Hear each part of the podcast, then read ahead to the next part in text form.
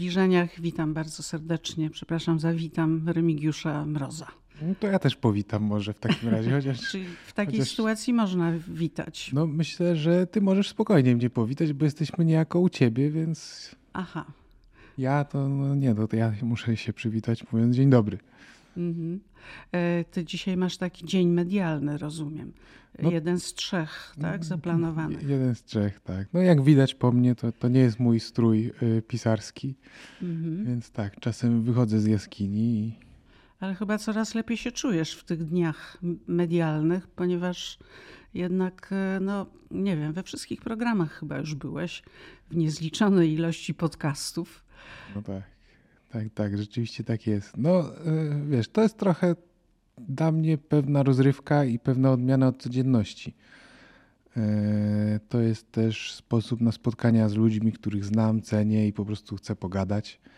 Więc nawet nie traktuję tego tak pod kątem medialnym, jako jakąś promocję czy cokolwiek innego. Bardziej jako okazja, żeby trochę wyjść ze swojej jaskini pisarskiej mhm. i zrobić coś ciekawego. Ze schronu, z bunkra. No z bunkra, nie? Jak Bunkier to w Wiesław... ogóle byłby idealny. No. jak, Wisław, jak Wiesław Myśliwski to określał, bunkier. Tak jest. Tak, no i pewnie już masz za sobą te wszystkie standardowe pytania, które się e, zawsze pojawiają e, w programach z Tobą. Słuchałam bardzo dużo podcastów z Tobą, również różnych programów telewizyjnych, w których byłeś i chciałabym tę e, część jakby zamknąć, bo jednak widza trzeba szanować. E, widzowie mogą nie widzieć tych Twoich poprzednich e, programów, także mogą się czuć zagubieni w Twoim niezwykłym życiorysie najpoczytniejszego pisarza w Polsce. Śmieszne to słowo najpoczytniejsze tniejszy, bo się no tak, trochę kojarzy z poczytalnym. Jesteś trochę tak. poczytalny. Tak. Jestem poczytalny, można tak powiedzieć. Ale jest lepszym określeniem niż najpłodniejszy polski pisarz. No z tą płodnością, tak. Jeszcze rozumiem w życiu prywatnym z płodnością się Tak, tak. No, na razie książki. Mhm. No więc pojawiają się zawsze takie pytania standardowe i może ja to jakoś tak grupowo y, załatwię, żeby ciekawość widzów zaspokoić. Y, warsztat pisarski, napisałeś 61 książek, masz 36 czy 7 lat? Jeszcze 6. Jeszcze 6, tak. Czyli to fascynuje. Taka ilość książek i ta dyscyplina, którą sobie narzucasz, ja to już oczywiście znam na pamięć, to znaczy 5 godzin przed południem, 5 po, w międzyczasie bieganie, absolutna cisza. Coś się zmieniło w tym? No, trochę lekko się może zmienia, ale ten trzon pozostaje taki sam. To znaczy, ja w ogóle tak staram się nie patrzeć na to godzinowo, ale jakoś to samo zaczęło wychodzić od samego początku. E, no i trzymałem się tego, co się sprawdzało po prostu. Mhm. Teraz wydaje mi się, że mam trochę mm, więcej, więcej luzu w sobie pod tym względem, że mogę trochę odpuścić że jak jest taki dzień, że na przykład no wiem, pogoda jest niekorzystna i, i, nie bardzo ci idzie żadna kreatywna praca, to mówię sobie, dobra, to napiszę dzisiaj 7 stron i, i świat się nie skończy. A nie 10. A nie 10. Ale bywa też, że piszesz 20. Tak, no bywa. Jak, jak książka naprawdę mocno żre, to właściwie nie masz wyjścia. Ale bo to żre ona cię... ciebie? Trochę żre mnie, a trochę żre temat. Mhm. E, I, I wtedy po prostu no, trudno ci się oderwać od tego. Wczoraj miałem taką sytuację, że miałem iść e, na jakiś wywiad pod wieczór, ale pisałem tak istotne sceny i tak to wszystko mi się szybko kręciło, no że po prostu myślałem sobie, dobra, jeszcze chwilę, jeszcze chwilę, przecież zdążę. A czy już możesz powiedzieć, jaki temat jest tej następnej książki? Chyba, że piszesz trzy równolegle. Nie, nie, nie. Na szczęście tak źle ze mną nie jest. Piszę zawsze jedną, dlatego że e, no, ona mnie pochłania całkowicie. To znaczy nie potrafiłbym sobie wyobrazić, żeby mieć taką podzielność uwagi i emocji, e, żeby to rozłożyć na kilka książek naraz. Jak pracuję nad jedną, to wpadam całkowicie i to jest magiczne. tylko ona się liczy. No tak, i jest wtedy magia. wydaje mi się, że im bardziej się zagłębisz w to... Ale boisz się słowa natchnienie? Uważasz, że przy y, literaturze gatunkowej, bo tak siebie też określasz, nie ma natchnienia, tylko jest coś innego? Hmm. No nie wiem, bo musielibyśmy w ogóle tak zdefiniować to natchnienie. Ono brzmi tak dosyć górnolotnie i rzeczywiście kojarzy się z taką literaturą wysoką, prawdziwie piękną. Mhm. Aczkolwiek nie wiem, czy osoby piszące ją y, też wierzą w to e, Ja raz pierwszy czekają. pamiętam e, z Olgą Tokarczuk rozmawiałam. To był chyba jeden jej z pierwszych wywiadów w Mhm. ogóle. No to nie, to Olga ma taki system pracy podobny do mojego i, i traktuje to jako robotę po prostu. Robotę, ale wyraźnie mówi o tym sprzyjającym wszechświecie i o no tych tak. przypadkach, które się dzieją i uważa, że to ma dużo wspólnego z natchnieniem. A tak, no to pod tym względem to absolutnie. Mnie to w ogóle czasem fascynuje, jak, jak te wszystkie rzeczy się łączą ze sobą, bo ja siadam do pisania książki często znając tylko pierwsze zdanie, albo czasem w ogóle nawet jego nie znając. Wiem, jak się nazywa na przykład bohaterka i to jest wszystko. Mhm. I później właśnie jest coś takiego, że w pewnym momencie wszechświat zaczyna ci w jakiś sposób sprzyjać i podsuwać jakieś rzeczy, o których w ogóle nie miałaś pojęcia, że je potrzebujesz, ale są ci absolutnie niezbędne, żeby ta książka powstała. I po fakcie często sobie myślę, no tak, to gdyby to się nie stało, jakaś zupełnie przypadkowa rzecz, i gdyby się inna rzecz nie stała, to przecież ja bym tej książki nie napisał, nie dałbym rady. Ale te rzeczy, które się wydarzyły, w ogóle były niezależne ode mnie, były zwykłym przypadkiem. No i skąd to się bierze? Więc pod tym względem, jeżeli natchnienie definiować, no to może tak. Y, Do tego procesu twórczego, magicznego, jak słyszę, to jeszcze bym chciała wrócić. y, Tym bardziej, że mówimy o Twojej najnowszej książce Światła w popiołach. To już jest piąta z tej serii Tak z Sewerynem i, i Burzą. Nazwisko Zaorskie jakoś z bardzo przy innych Twoich nazwiskach świetnych, które wymyślasz, jakoś blado, tak. Tak? I mnie, nawet mnie się zawsze podobało. Nazwisko samo w sobie jest bardzo ładne, no ale przy tych wspaniałych nazwiskach, które wymyślasz, jak e, Chyłka choćby, Tak. czy Zordon, e, czy, czy no nawet Langer, to to wszystko jest, wiesz, takie mm, niezwykłe. Coś ma już w sobie No tak, tajemniczego. Mhm. albo mówiącego, nazwiska mówiące. A tymczasem Sewer, nie kusiło cię, żeby Sewer zamiast Seweryn?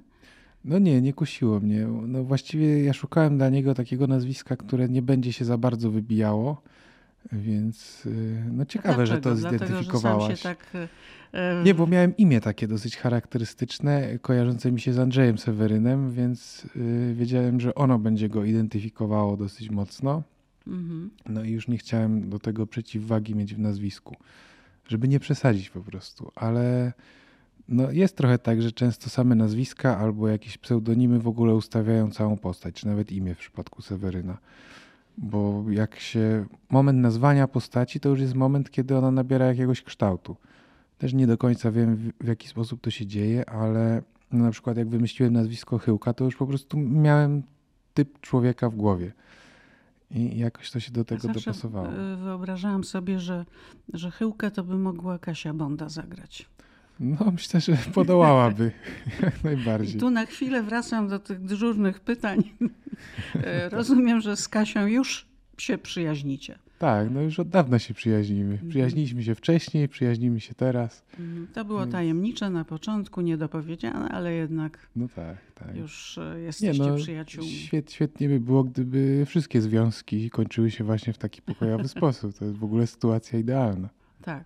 E, No, inne kobiety w swoim życiu jakiś e, się. Ja, ja nie wiem w ogóle, kiedy byś miał mieć czas No, na inne kobiety nie jest to życiu. do końca proste zadanie. Bywają. Trzeba, bywają, no, trzeba być wyrozumiałym w stosunku chyba do mnie. Aczkolwiek to jest trochę tak, że jak się o tym myśli tak czysto hipotetycznie i teoretycznie, to rzeczywiście może człowiek dojść do wniosku, że no zaraz, no to przecież tu nie ma czasu, nie ma gdzie szpilki wsadzić. Mhm.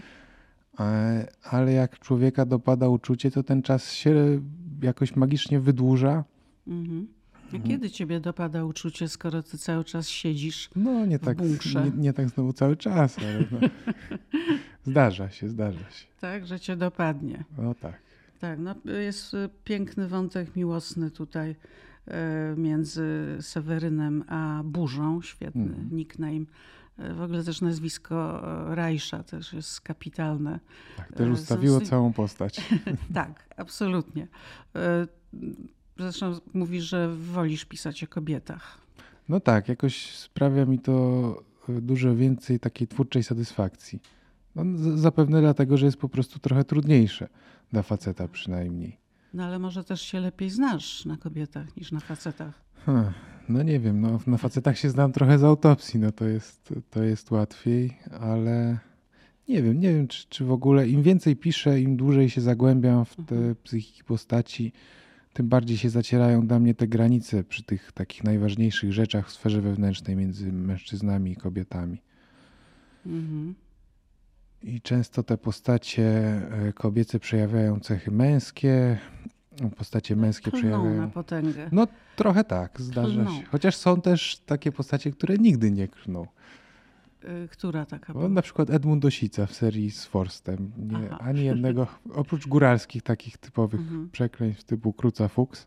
Ale jedno e, przekleństwo mnie zaciekawiło, bo w moim otoczeniu ja tego nie słyszę. Nie mówię, że ja jestem w takim otoczeniu, które nie klnie, bo jak wiesz, artyści, a szczególnie artystki potrafią e, kląć no, literacko, artystycznie i, i to wtedy fantastycznie brzmi. Ale do, yy, przepraszam, nędzy. Mhm. To, to ja w ogóle tego w życiu nie słyszałam. Znaczy wiem, że jest. E, czy ty spotykasz się często z takim?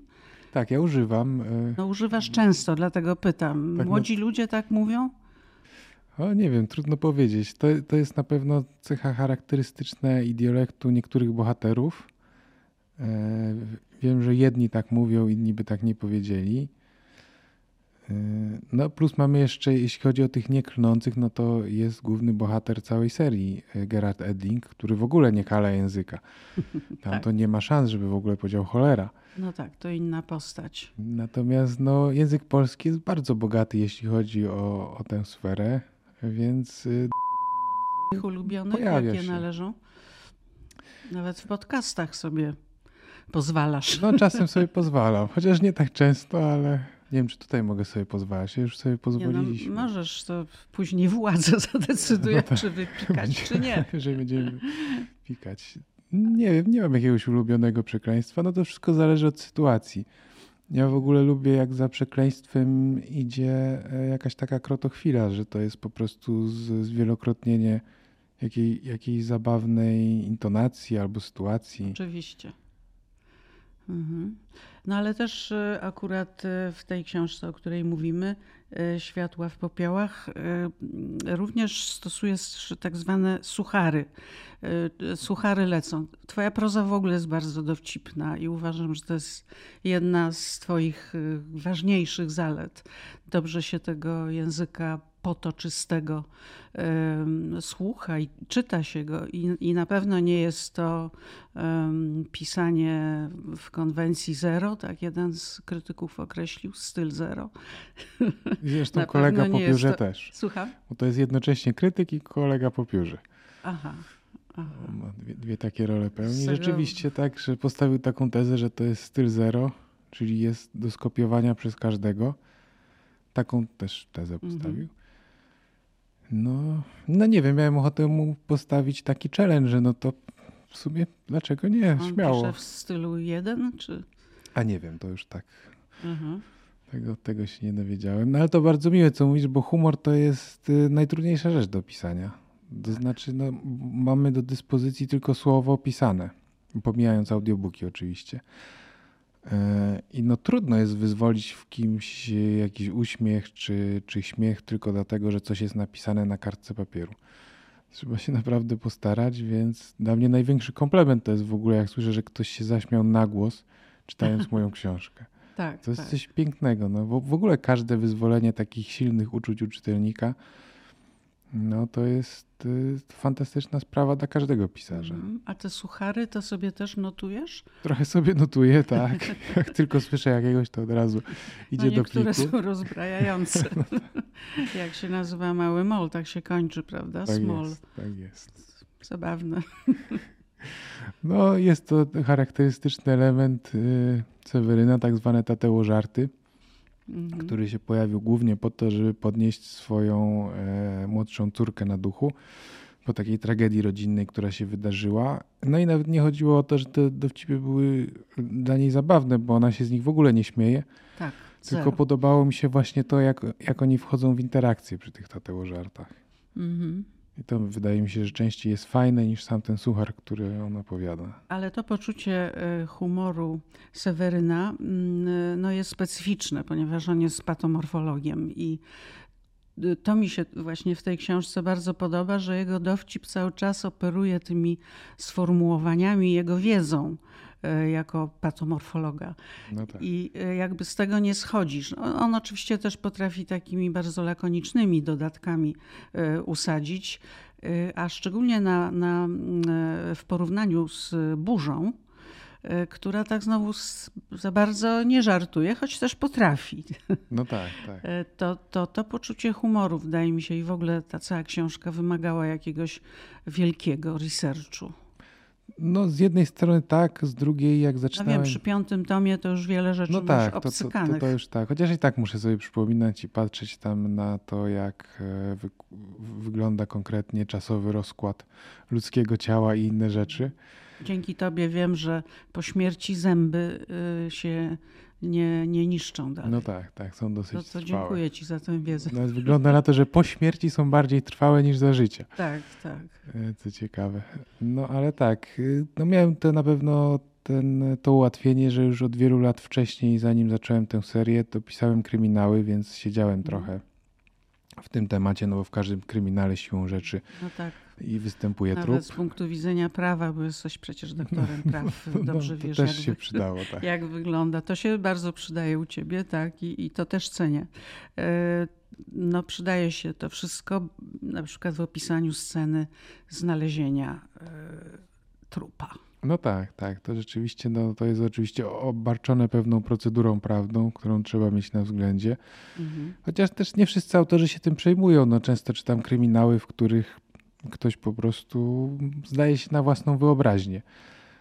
E, I nie należy do czytelników, którzy wskazują później palce i mówią: O nie, tutaj powinien napisać protokół przecież, tutaj powinien podpisać go prokurator.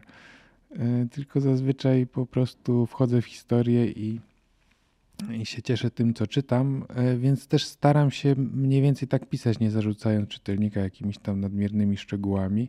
Ale no rzeczywiście dobrze wiedzieć, jak to wygląda i, i co można opuścić o, pod tym względem, żeby później mieć czyste sumienie.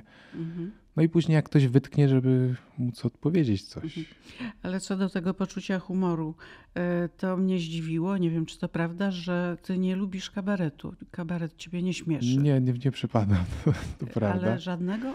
Hrabi? Kabaret hrabi cię no, no nie śmieszy? Nie, nie, nie, w ogóle jakoś kabarety nie, nie, nie działają. Nie. Ucho prezesa powinno cię śmieszyć. No właśnie jakoś nie bardzo, chociaż też no, nie jest tak, że dużo tych kabaretów próbowałem. W ogóle no, przez długi czas się trzymałem z daleka od y, takiego humoru wyrażanego expressis verbis i na przykład y, miałem też pewną awersję do stand-upów, ale no, są w tej sferze tacy wirtuozi, że rzeczywiście no, siedzieć tylko boki zrywać. Mhm. Więc nie może kiedyś do kabaretów się przekona. A nie, nie kusi cię napisanie jakiegoś kryminału albo powieści sensacyjnej yy, na śmiesznie?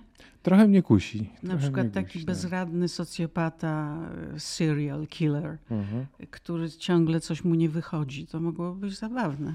No tak, czasem mam takie myśli, że fajnie by było popełnić taką komedię kryminalną. Hmm tylko nie wiem, czy bym w tym wytrzymał, bo ja lubię mieć taki, taki balans w tym wszystkim, co się dzieje w książce. Lubię mieć trochę obyczaju, trochę właśnie humoru, trochę tego wątku kryminalnego. Mhm. Czyli masz jakąś, przepraszam za słowo, recepturę. Trochę pieprzu, trochę no, soli, trochę nie, kari. Wszystko jest na oko u mnie, to na pewno. Na oko. To, to nie jest wymierzone. Eee, więc nie wiem, to jest, się dzieje wszystko intuicyjnie. I mhm. tak naprawdę trochę wynika z tego chyba, co chciałbym czytać i co chciałbym pisać. Bo też jest tak, że jak piszę, piszę długo, na przykład jakiś wątek stricte kryminalny, to staję się z nim zmęczony w pewnym momencie i muszę się odbić właśnie w kierunku humoru.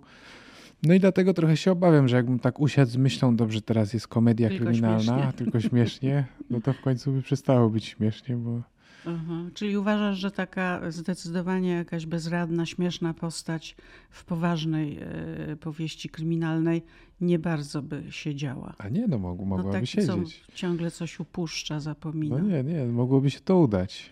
No to może nie od wiem, tego czy... zaczniesz. No może, może. może będzie śmiesznie.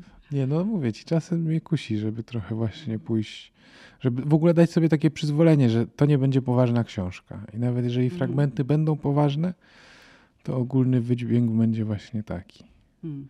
No nie wiem, lubię takie y, wychodzić z tej, z tej strefy komfortu pisarskiego i porywać się na różne rzeczy. Już miałem w, w większości gatunków e, próbowałem swoich sił. Największym wyzwaniem to chyba była powieść sportowa, konkretnie piłkarska. Kompletnie nie miałem pojęcia, jak się do tego zabrać. Nie było też za bardzo Dlaczego materiału. Się zabrałeś? Lubisz piłkę? Właśnie dlatego, że nie wiedziałem, jak to zrobić. Chciałem się przekonać, czy to się w ogóle da. Aha, czyli lubisz to zmaganie się ze sobą. Nie, no to jest coś, co cię napędza. No jeżeli tyle piszesz, ile ja codziennie, to potrzebujesz czegoś, e, czegoś, co Mówisz właśnie. tak, jakbyś musiał pisać. No, trochę muszę, bo jak nie piszę, to się źle czuję.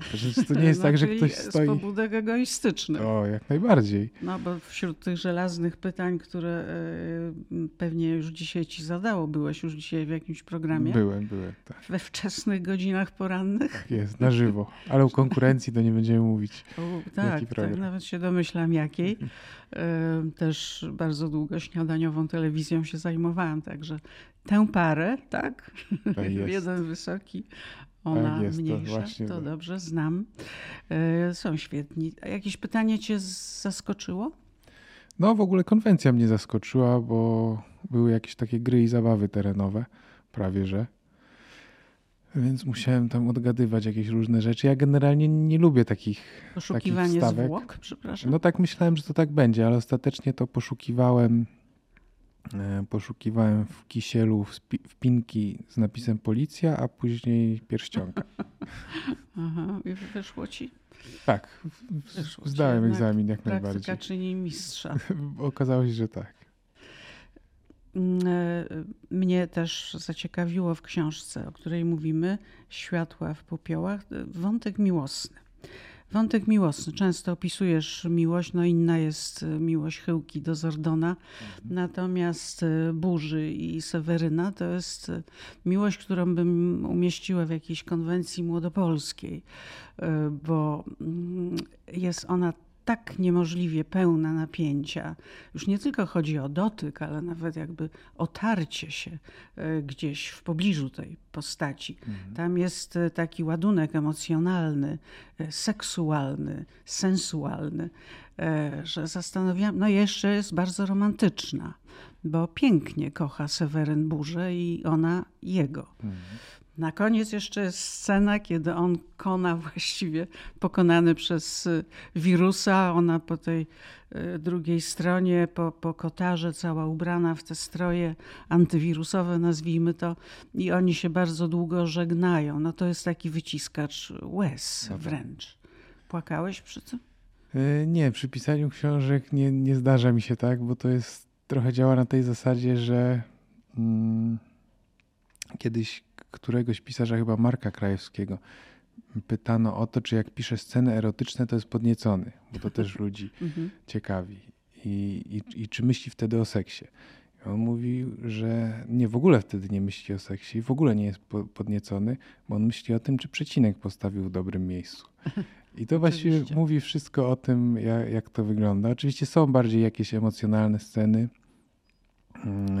i w tej książce były rzeczywiście pod, pod koniec takie mocno targające emocjami, ale to jest zawsze na jakiejś takiej kanwie warsztatowej bardziej. No, musisz się jednak skupić na tym, żeby to słowo pasowało, a im więcej emocji jest w scenie, scenie, tym ona jest trudniejsza do pisania, bo musisz uważać wtedy na wszystko, absolutnie i rzeczywiście każdy przecinek ma znaczenie, bo wiesz, że czytelnik, jeżeli będzie zaangażowany emocjonalnie, to już na tym etapie po prostu będzie odczuwał to e, całą sobą czy, czy całym sobą.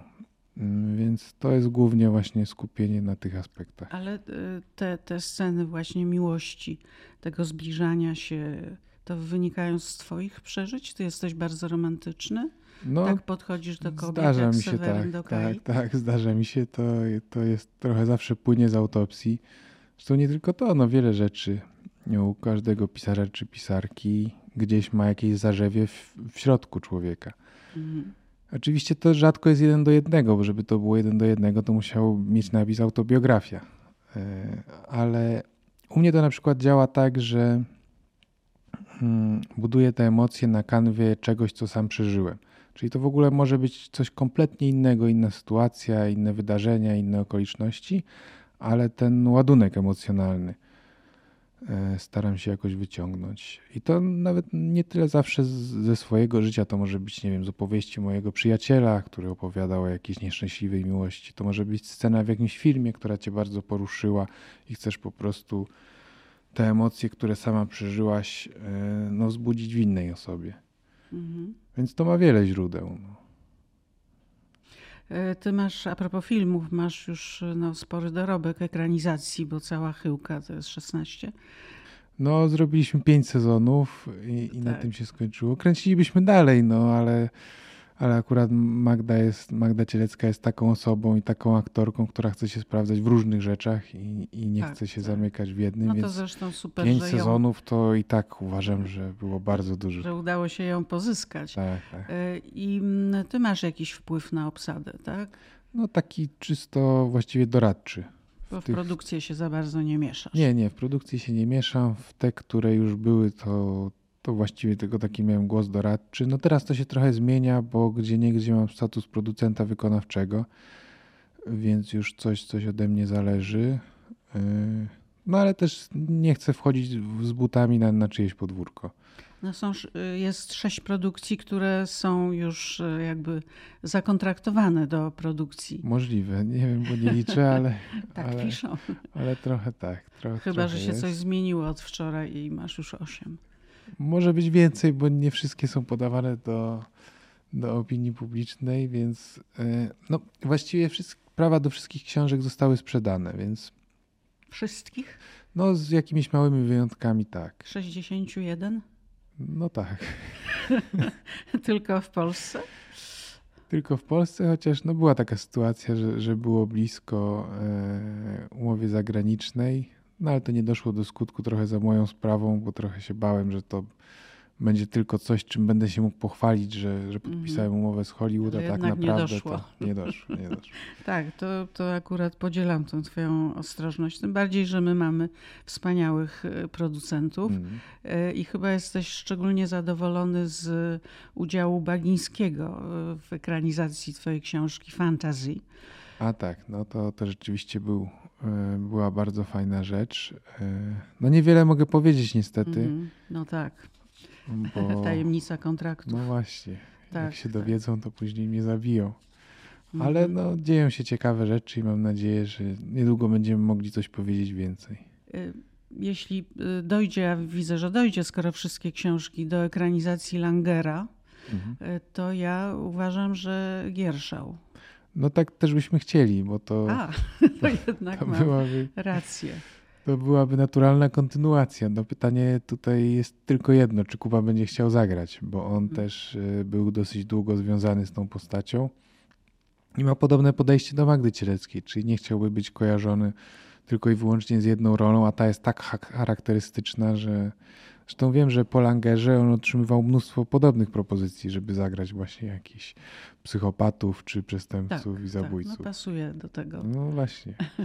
Aczkolwiek jak, jak się na niego decydowaliśmy, to miał taki wizerunek takiego grzesznego chłopczyka raczej, mhm. bo nie grał żadnej takiej roli.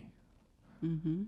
No ale to Ale powiedz że... a propos Langera, mm, po co, po co takie książki pisać? Po co tak epatować to, jest dobre, to jest dobre pytanie właśnie, po co? Po co? Y, ja zaczęłam, od razu powiem, i jednak nie, nie poszłam za daleko w tę książkę. Y, moja wrażliwość nie, nie pozwala mi, żebym śledziła losy psychopato, socjopaty, bo już nie wiem jak tego Langera nazwać, który się rozkoszuje w myśleniu o tym, co zrobi ofierze, no tak. jak ją młoteczkiem będzie stukał i w co, i jakie cięcia będzie robił. Tak jest. No ja w ogóle nie wiedziałem, czy będę w stanie to napisać. No, bo... czytałem gdzieś, że, że wykończyła cię ta książka. Wykończyła mnie kompletnie. Po prostu później musiałem uciec w ogóle od kryminału. Jak się tylko zbliżałem do tematu, to miałem dosyć. I to nie z samego nawet pisania wynikało, chociaż no też, ale z tego, że musiałem dosyć dogłębny research zrobić i, i mm. czytać o tych wszystkich Poznałeś rzeczach. wszystkich seryjniaków. Tak, tak. A to, tak to nie są dogłębnie. zbyt fajni ludzie. Po co ich opisywać? Nie. nie, to nie są zbyt fajni ludzie i właściwie można ich opisywać chyba tylko po to, żeby po prostu wiedzieć, kogo unikać. Natomiast no, mi przy Langerze przyświecała taka motywacja jedna, to znaczy to była postać uwielbiana przed tą książką. Tak. E, do którego często i, i widzki, i czytelniczki wzdychały i, i, no była powszechnie lubiana po prostu. I, I, trochę mnie to zawsze mierziło, bo to był seryjny zabójca i psychopata. E, tylko, że w chyłce za każdym razem, jak on dokonywał tych swoich czynów, to gasło światło i, i nie wiedzieliśmy, co tam się dzieje tak naprawdę, bo mhm. obserwowaliśmy to z punktu widzenia albo chyłki, albo Zordona i Langera dostawaliśmy dopiero post factum. E, no i pomyślałem sobie, dobra, no to jeżeli ja pokażę dokładnie to, co on robi i rzeczywiście będzie stał z tym młotkiem i znęcał się nad tymi ofiarami, no to czy czytelniczki i czytelnicy dalej będą go lubić, czy dalej będzie ulubieńcem. Mm. I właściwie był po to... co tra... lubić socjopatę? No właśnie chodzi o to, żeby go nie lubić. I, trochę to był taki no to eksperyment trzeba było społeczny. pokazać dokładnie, co robi. no więc się... właśnie tak w Langerze, do tego w Langerze doszło. doszło. I, no i bardzo byłem ciekaw właśnie, czy po tym mhm. rzeczywiście ludzie zobaczą, że to jest postać, której właściwie nie ma za co lubić. Wręcz przeciwnie, ona powinna budzić obrzydzenie. I? I naprawdę różnie było. Rzeczywiście w niektórych przypadkach było tak jak u ciebie, że na przykład mm, niektóre osoby nie były w stanie tego czytać były, i stały się zniesmaczone Langerem. Ja bym mogła czytać, bo oczywiście dobrze napisane i tak dalej, ale jaki jest sens czytania tego? Mhm. Oczywiście mówimy o tym, jaki jest w ogóle sens pisania o złu, e, o, o ludziach, którzy zadają zło, cierpienie. E, twoim zdaniem jaki jest? No, przede wszystkim uczciwość, bo tak jak jest, było w serii o Chyłce właśnie, że Langer był taki trochę, niby wiedzieliśmy, że on zabija, ale tego nie, nie, nie obserwowaliśmy. I to wydaje mi się, że nie jest do końca uczciwe właśnie pod tym względem, że y, powinniśmy pokazywać takie rzeczy, żeby był cały obraz tego człowieka. Żeby było widać to zło, żeby nie było takich sytuacji, że oni są później romantyzowani, no bo mhm jak, jak być może pamiętasz, jak to było e, z, z tymi takimi najbardziej znanymi, e, jak Ted Bundy czy inni w Stanach, że po prostu ludzie przychodzili tam i patrzyli i wzdychali, mieli jakieś banery, inne rzeczy i kibicowali tym ludziom, żeby po prostu w sądzie zostali uniewinnieni. No i teraz w momencie, gdyby im pokazać na przykład zdjęcia tych ofiar, no to idę o zakład, że trochę inny byłby ten odbiór. No i na tej samej zasadzie wydaje mi się, że trzeba pisać, przynajmniej jeśli chodzi o fikcję literacką. Bo jeśli chodzi o literaturę faktu, no to to już zupełnie jest. Tak, to, to, to inne, ale to ja tam... rozumiem. Uczciwość oczywiście też czyni y, każdą książkę, powieść dobrą, ale w stosunku do czytelników y, je, je, o co chodzi z tym pisaniem o tych upiorach? O co chodzi? Co, co, chodzi? co to Dlaczego ma to neutralizować zło, hmm. które człowiek ma w sobie? Czy Być może trochę tak jest. Oswajać ze złem i to może pomagać. Są jakieś badania? Może trochę tak. Nie, no jest mnóstwo badań. No tak naprawdę ile osób, tyle opinii. No na pewno zło nas pociąga i pytanie, dlaczego tak się dzieje. E, no są i optymistyczne, i pesymistyczne wersje. Niektóre zakładają, że po prostu chcemy się trochę właśnie oswoić z tym, co jest w nas, że każdy z nas ma jakiś cień, który za nim podąża. E, I przyglądanie się cieniom innych ludzi trochę sprawia, że możemy ten swój oswoić. Mhm. A ty masz cień? No na pewno, każdy, każdy ma jakiś Ale jak cień. to na pewno? Ja... Wiesz czy nie wiesz? No, wydaje mi się, że mam. No skoro każdy ma, to ja też muszę mieć. Chociaż u, u mnie to jest trochę tak, że ja... Tak wymigające to jest. No, wiesz, ja to wszystko w książkach wrzucam, więc mhm. u mnie to jest prosta sprawa. No, ale no, lubimy się temu przyglądać. Y, trudno powiedzieć, dlaczego tak jest. Może dlatego, że to jest takie obce. Może im dalsze od nas jest, tym bardziej nas ciekawi, że coś takiego w ogóle jest możliwe, skoro my na przykład nie bylibyśmy mhm. w stanie czegoś takiego zrobić.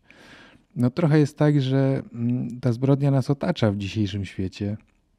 Czy może otaczała zawsze, ale nie zawsze tak, tak dużo media o tym mówiły. I praktycznie każdego dnia, jak otworzysz portal informacyjny, to jest informacja, że ktoś tam kogoś zabił, nie wiem, mąż, żonę, czy, mhm.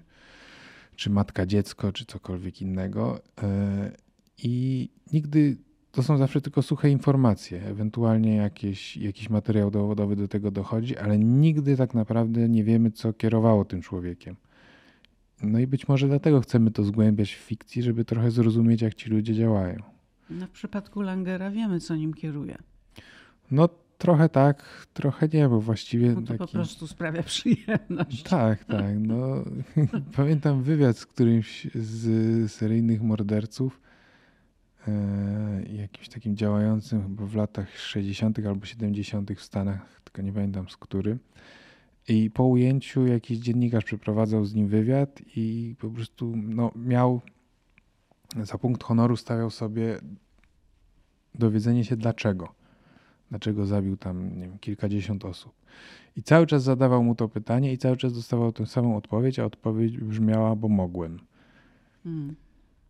No i tyle. I trochę jest tak właśnie, trochę jest tak w przypadku Langera, że hmm. tak naprawdę nie wiadomo, ani tu nie było w dzieciństwie niczego takiego. Znaczy, no, może trochę było, ale nie na tyle, żeby to jakoś, e, jakoś usprawiedliwiało. Także no czasem tego nie zgłębimy po prostu. Jest to taki A, mrok nieprzenikniony. Mhm. A w ogóle mógłbyś napisać powieść obyczajową, czy jakby nie było w trzecim akapicie trupa, to słabo by, byś pewnie, się czuł z tym. Pewnie czułbym się słabo. To znaczy w tej książce y, piłkarskiej próbowałem, żeby tam nie było w ogóle żadnej zbrodni. Myślałem, że to mhm. będzie powieść czysto sportowa. E, no i tak, zaczęło się od zabójstwa, a później cały autobus pi piłkarzy właściwie się rozbił i mm -hmm. same ofiary. To, to, tak. No bardzo się utożsamiasz e, jednak z piłką nożną, z tematyką sportową, bo nawet przed naszym programem, spotkaniem e, sympatyczny dźwiękowiec chciał ci chciał zamontować sprzęt, no jest. bo myślał, że wchodzisz na antenę jako komentator sportowy. No tak, no widocznie tak wyglądam. Tak. Komentator sportowy. No to miło, że tak mówisz. A nie słyszysz tego, że przystojny? No, zdecydowanie zbyt rzadko. A, okej. Okay. No to trochę nadrobiłam. A propos przystojny, atrakcyjny, mm, to wracam znowu do e, Seweryna Zaorskiego. Mm, przystojny. Czy widzisz już, może już jest wybrany jakiś aktor Trochę jest, tak. I możesz e, powiedzieć? Nie mogę niestety, bo no to jest na razie tylko taki wybór na sucho powiedzmy. Nie ma w ogóle umowy podpisanej. Ten aktor mhm. jest oczywiście zainteresowany, bo inaczej bym nie wspominał o tym. E, no myślę, że to jest wybór idealny. Bardzo często się też przewija w typach e, czytelniczych, obsadowych. Hmm. No ale czy to wypali do końca, to nie wiadomo. No bo tych przystojnych to nie mamy za wielu. No nie wiem, to już nie mnie oceniać. No. To już zdaje się na twoje oceny, mhm. ale no trochę jest tak, że nie ma co o tym mówić, bo jak wiesz, w świecie filmowym i serialowym to wszystko dopiero jak ruszy kamera, to, to wtedy wiadomo, że powstanie. Chociaż też nie zawsze tak jest, bo przecież są seriale, które się kręci, a później nie wiadomo, co się z nimi dzieje. Mm, Dorociński by pasował. No myślę, że by pasował, tak. Tylko nie wiem, jak mu z brodą by było. To można Niepokojąca atrakcyjność, prawda, i wdzięk. Najważniejsze, czy w czapce będzie dobrze wyglądać. No tak, bo ta czapka do czapka tyłu jest często i daszek do tak, tyłu. Tak. Daszek tak. idzie do tyłu zawsze, jak jest analiza zwłok na miejscu zdarzenia. No Paweł Delong... Y, to też się pojawia. To też, też się, się pojawia? pojawia? Mhm. Tak, tak. No to jest właśnie generalnie ten typ urody, który widzę, że najczęściej się przewija. Mhm. A Przemysław Sadowski? Też widziałem jego nazwisko. Mhm. On bardzo dobry był w, w jakiejś serii kryminalnej i grał takiego, wiesz, e, trochę zaniedbanego no tak, kojarzę e, detektywa. To on by się tutaj nadawał. No i oczywiście Piotr Stramowski. No tak.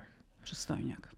No tak. No tak, bo tak. Roznerski już nie, prawda? No nie, to już byłby to chyba już... zbyt delikatny typ urody na Seweryna. Jakaś no, taka, taka cecha w twarzy, w zachowaniu frapująca, jednocześnie niepokojąca. Mhm. Tak, tak. Musi, musi być. być. ten taki właśnie element lekko niepokojący.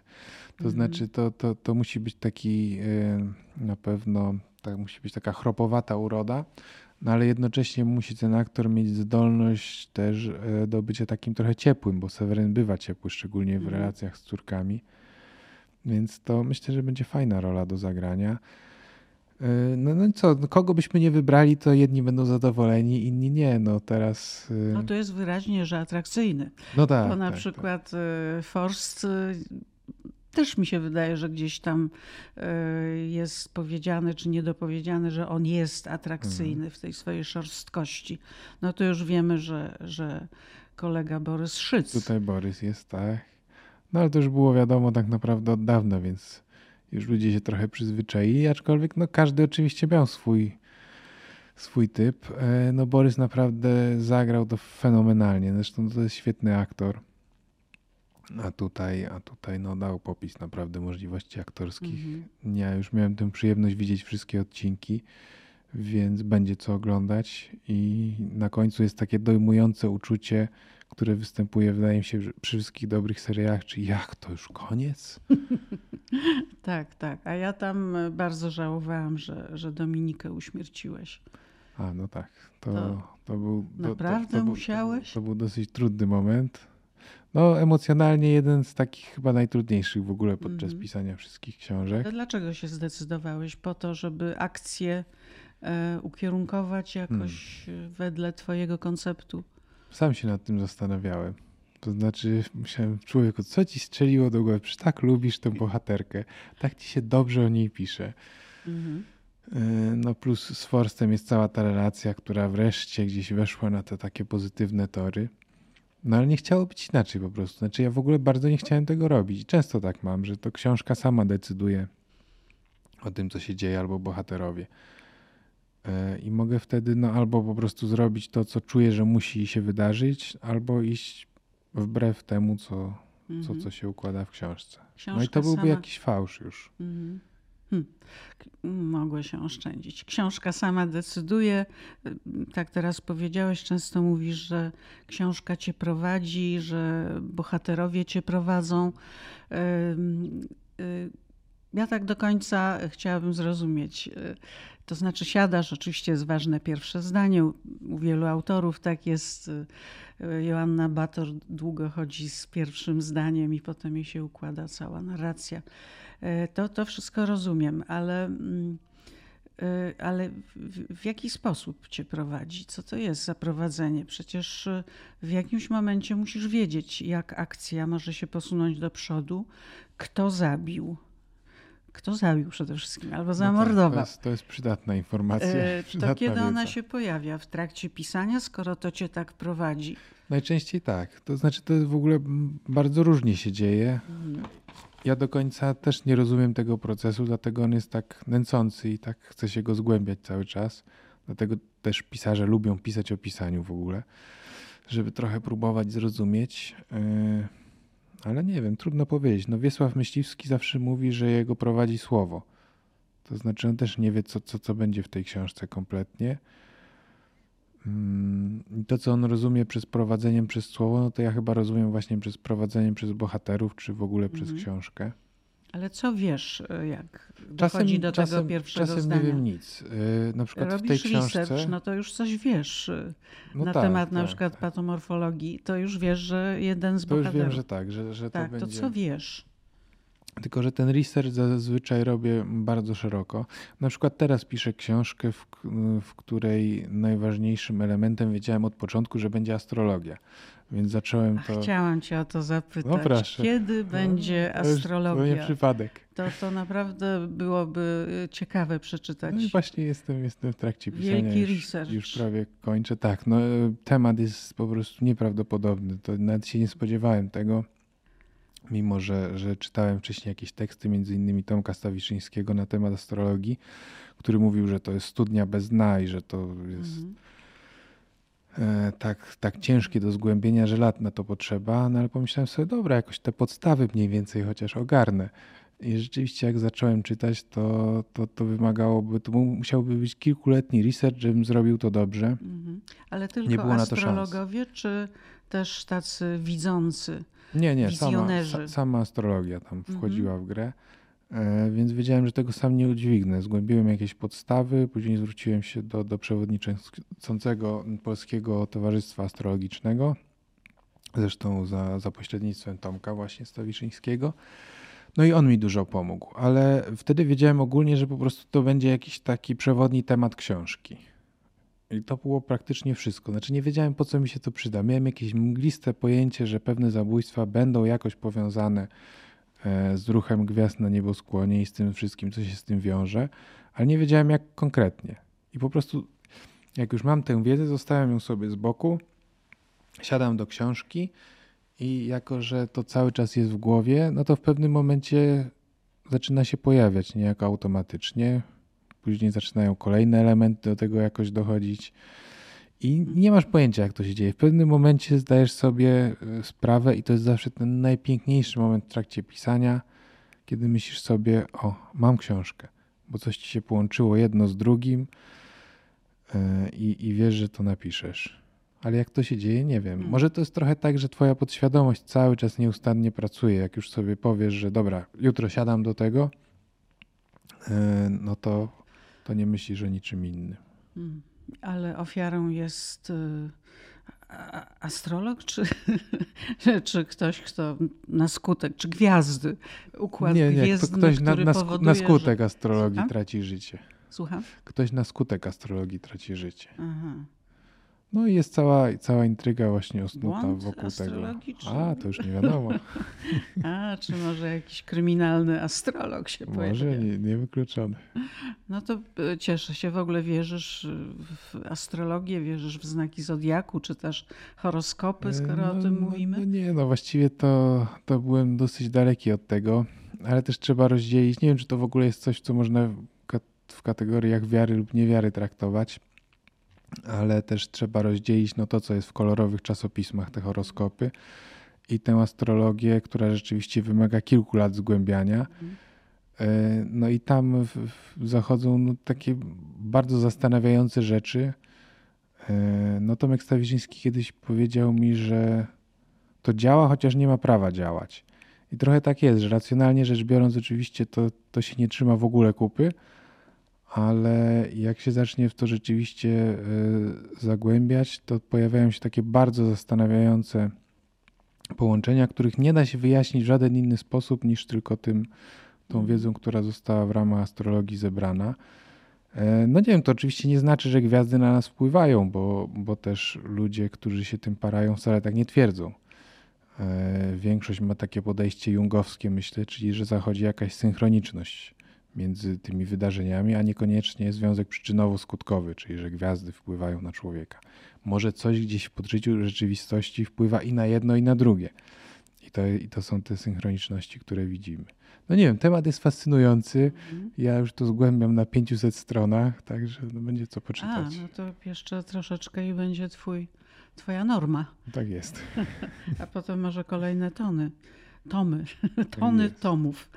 E, tak, astro, astrologowie ci znani, oni bardzo często jednak też no, stawiają karty tarota i wtedy jednak e, liczy się też takie, takie super moce, super widzenie. No tak, e, tak. Czy, czy w to wierzysz? Bo ja spotkałam takich, spotkałam mhm. kiedyś Leszka Wereza, to bardzo dawno temu i kiedy on przychodził do mnie do studia, to była właśnie telewizja śniadaniowa, początek tego tematu, e, to zawsze, no wiedzieliśmy, ekipa wiedziała, że przychodzi Leszek Weres, to będzie jakieś wyładowanie lampy, lampy mhm. po prostu iskry i puch, puch, także wszyscy czekaliśmy spokojnie, bo to na żywo e, i byliśmy przygotowani na to. Niewątpliwie też znakomita e, astrolog, profesor Wioletta Kosecka, z którą łączyła mnie długa znajomość i przyjaźń. Z nią również prowadziłam zajęcia, ale też prowadziłam audycje i to były audycje na żywo. Ona mhm. z kolei mm, szczególnie e, pisała i, i jakby badała, studiowała zależność znaków w związkach, czy waga dobrze z bykiem i tak dalej.